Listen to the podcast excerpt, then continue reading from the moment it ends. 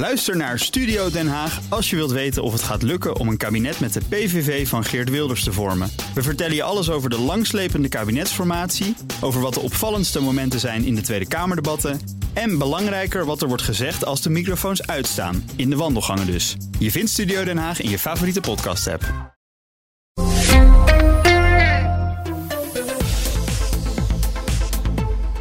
We gaan uh, inderdaad eventjes naar Europa-verslaggever. Als je het heel snel zegt, dan baart je er helemaal niks meer van. Geert-Jan Haan en buitenlandcommentator Bernard Handelburg. Mannen, goedemorgen. Goedemorgen. Goedemorgen. Ja, Bernard, allereerst even. Hoe uh, wordt dit uh, beleefd? Want we zeiden al even twee reacties, die kennen we. Van Marine Le Pen, van het Front National in, uh, in Frankrijk... en van Viktor Orbán, de premier van Hongarije. Ook een, een, een rechtse man. Maar hoe wordt dit gepercipieerd in de rest van de wereld? Nou, vooral... Um, ik heb vooral gelet op de media hè, en mm -hmm. Hoe, hoe, die er naar kijken. En ja. die hebben eigenlijk allemaal hetzelfde verhaal. Het verhaal dat wij ook hebben. Joh, dat hadden we nooit gedacht. Mm -hmm. dat deze man zo hoog zou scoren. En dat verandert het, um, het, uh, het politieke toneel toch dramatisch. Het, er zijn twee dingen die me opvallen. Eén uh, is dat uh, The Guardian een blog erover heeft geopend om al, alle, alle nieuwtjes over dit mm -hmm. verhaal bij te houden. Nou, dat zie je niet zo vaak in, nee. in een buitenlands medium. Um, en een ander verhaal dat me zeer opvalt was een. Uh, analyse bij Bloomberg. Um, en die luidt: Where Dutch voters go, other countries will follow. Oh. Um, dus die zeggen: dit is. Um, uh, een steen in de vijver. En uh, je zult zien dat er nu een heleboel andere landen uh, in Europa en misschien ook daarbuiten gaan volgen. En uiteraard heb je voor de hand liggende reacties zoals Fox News. Dat zegt de Nederlandse Donald Trump. Ja, dat ligt voor de hand dat ze dat zeggen.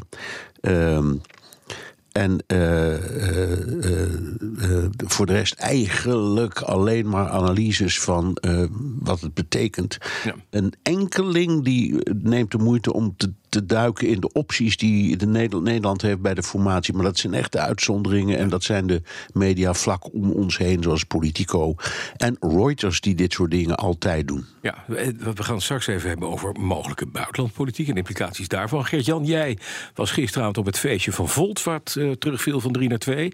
Uh, het, pro-Europees inland, waar erg op gehamerd is door uh, Laurens Dassen, de voorman van, het, van de partij. Dat er niet gekomen. En dat zei hij ook zelf toen hij, toen hij sprak met de media. Ook met jou, hè? neem ik aan. Maar hoe wordt er in Europa naar gekeken? Een echte Europese partij. Ja, jij noemt het een feestje. Ik heb het gisteravond ja, laat een paarse uitvaart cynisch. genoemd. Ja, nee, ja, het was ook wat cynisch. Van Want uh, uh, paars, dat zijn de clubkleuren van, uh, van Volt. Um, ik vroeg ook nog wel, voel je je nou ook een beetje in de steek gelaten... door bijvoorbeeld Timmermans en Jette... die ook niet hun best hebben gedaan om überhaupt de positie van Nederland... in Europa of in de wereld voor het voetlicht te brengen? Ja. Um, ja, daar wilden ze niet heel erg veel uh, uh, over zeggen. Uh, vooral boos op de VVD die de deur naar Wilders heeft opengezet. Maar goed, um, twee, twee dingen ter aanvulling op jouw vraag en op Bernard. Eén over um, ja, dat Nederland, wat er in Nederland gebeurt nu in andere landen navolging kan vinden. -hmm. Um, daarbij moet ik zelf terugdenken aan 2017, toen wij verkiezingen hadden en Wilders uh, hard riep om een exit en uh, ook de grootste zou kunnen worden. Maar toen hadden we net de Brexit en Trump gehad. En um, toen zag je een hoge opkomst in Nederland. En uiteindelijk um, werd het een andere uitslag waar Wilders minder mee kon.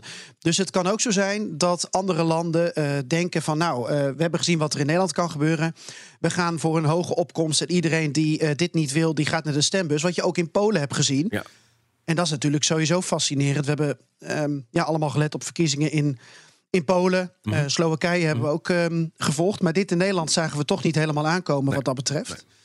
Um, en over die uh, analyses, eens met Bernard dat er in buitenlandse media niet zoveel aandacht is voor de opties die er zijn. Maar Sky News heeft het nog over dat um, uh, Wilders misschien wel iemand anders naar voren zou kunnen schuiven die acceptabeler is als premier. Hmm. Ik heb dat scenario nog niet in Nederland horen nee. langskomen. Ik weet niet of jullie er wat van weten. Nee, mij niet. En ik lijkt me lastig. Hij, en hij wil het zelf ook niet, want inderdaad, hij is een, uh, hij hij is een zegt, stichting. Als je, hij als je de grootste wil worden, moet je ook de premier uh, ja, willen leveren. worden. Uh, en, en hij is de partij, hè? Ja. Ook Ja. dat nog. Ja. Nummer twee is er niet. Nee, nee, precies. In het, in, het, in het stichtingsbestuur zit één man en in de partij zit één man. En dat is Geert, Geert Wilders en de rest steunt. Punt. Ja. Nou, Martin Bosma zou ook nog wel een kansje hebben, hoor, denk ik. In, van, als je vanuit die kant gaat. Want die heeft ook in, in het binnenland en binnen de Kamer een, een Mhm. goed. uitstekende naam. Hè? Absoluut, Dus, ja. dus eh, dat, dat zou misschien helpen. Ja, maar die zou geliefd Kamervoorzitter worden. Nog even, want mannen, wat betekent eh, bijvoorbeeld... eh, stel dat, dat, dat Wilders premier wordt van dit land... Hè, na een geslaagde formatie, de steun aan Oekraïne. Daarvan heeft hij gezegd, daar stop ik geen euro meer in. Nee, maar eh, als ik eerst, als, nou, Ja. het eerste wat, mij, eh, wat ik bedenk is, eh, hij is nog geen premier. Nee. En er is nog niemand premier. En dat gaat ontzettend lang duren. dat, dat, daar is iedereen het over eens. Mhm. Ja. Het wordt een hele ingewikkelde Formatie. formatie. En dat is ook een beetje Nederlandse traditie. Dus daar moeten we ook niet al te dramatisch over doen. Gedurende die periode. ehm, dat, ik hoorde dat Han ten Broeke gisteravond in de BNR-uitzending zette zeggen na het verlies van eh, eh, de VVD van gelukkig, gelukkig blijft Mark Rutte nog een tijd premier. En dat is natuurlijk ook zo. Dus het beleid dat Rutte met zijn ploeg heeft ten opzichte van Oekraïne zal niet veranderen. Maar op 6 december wordt, voor zover ik heb begrepen, de nieuwe Kamer geïnstalleerd. En hij kan wel willen met zijn ploeg, met zijn demissionaire ploeg. Maar die Kamer is al nieuw en die moet dat dan allemaal gaan goedkeuren. En als je zo'n enorme grote eh, PVV-fractie krijgt, dan zal dat een enorme klus worden. Dus ik, wat dat betreft zie ik het een Ja. beetje somber in. Ik, ik denk ook ineens aan de NAVO-top volgend jaar in Washington. Het feestje, 75 jaar NAVO, waar Mark Rutte ineens beschikbaar voor is. Maar misschien dat hij in de zomer van 2024 gewoon nog op zijn plek moet zitten. Ja, dat zou zomaar kunnen, ja. Wordt Kaag toch, toch, toch nog de eerste vrouwelijke premier. Maar inderdaad, de coalitie heeft ook maar, maar 41 zetels, hè, over wat Bernard net zegt. Eh, dan is Rutte nog wel premier. Maar dan ben je zo ver van de meerderheid af. Ja. Dus dat wordt eh, voor elk stapje dat je wil zetten, moet je gaan onderhandelen. Terwijl er geformeerd wordt. Ja. Jawel, maar goed, we hadden het dan over Oekraïne. Dat is, Ja, ja, dat is, dat is een, een, een van de meest urgente problemen. Daar is iedereen het wel over eens. Ja. Ja. dat zeggen wij nou. Maar Wilders en co zijn het daar niet mee eens. Dus eh, de- de- de- ik zie daar echt een enorme beer op de weg, hoor. Geert-Jan, even naar andere, andere puntjes uit het verkiezingsprogramma van PVV. Hè, Dat kennen we, Nexit, eh, terug naar de, naar de gulden, om maar wat te noemen. Eh, wat gaan we daarvan terugzien? Eh, want we hebben ook Wilders gehoord. Hij gaat een aantal standpunten die hij had... en ook in zijn verkiezingsprogramma heeft staan... toch wat afzwakken, wat ja, de scherpe kantjes eraf halen, kan ik het zo zeggen. Hoe wordt dat gezien door jou en je collega's in Europa? Nou, ten eerste valt eh, op dat weinig Europese leiders nog ehm, Wilders hebben gefeliciteerd. Eh, iedereen eh, wacht misschien heel formeel de 100% uitslag af. Maar ik ben ook heel benieuwd hoe daarnaar wordt gekeken. Ehm, ja, Wilders zegt in alles dat, eh, dat hij begrijpt dat hij water bij de wijn moet doen. Dat zal ook wat betreft een nexit zijn waar geen draagvlak voor is in Nederland. Ehm, maar goed, hij wil een referendum, dus wie weet. Ik heb vooral even gekeken naar migratie. Want we kennen de verhalen uit Hongarije en Polen. Die dan eh, ja, al- altijd niet mee willen doen met de afspraken. Er komt nu ook een nieuw migratiepact aan. Om dat als voorbeeld te geven.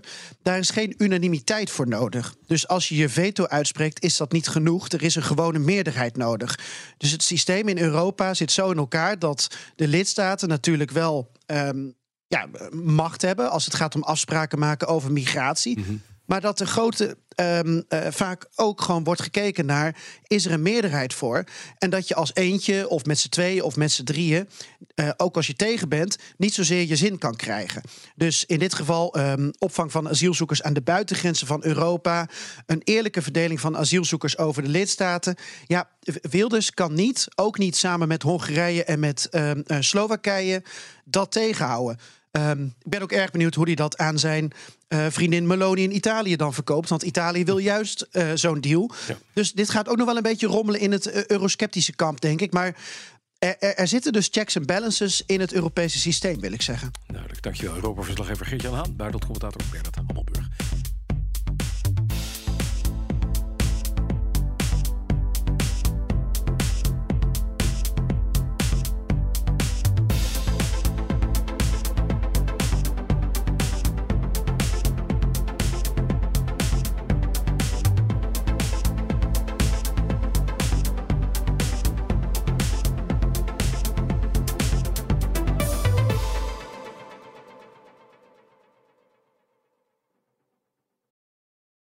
Ook Thomas van Zeil vind je in de BNR-app. Je kunt live naar mij luisteren in Zaken doen. De BNR-app met breaking news. Het laatste zakelijke nieuws. En je vindt er alle BNR-podcasts. Bijvoorbeeld Het Nieuwe Geld. Download nu de gratis BNR-app en blijf scherp.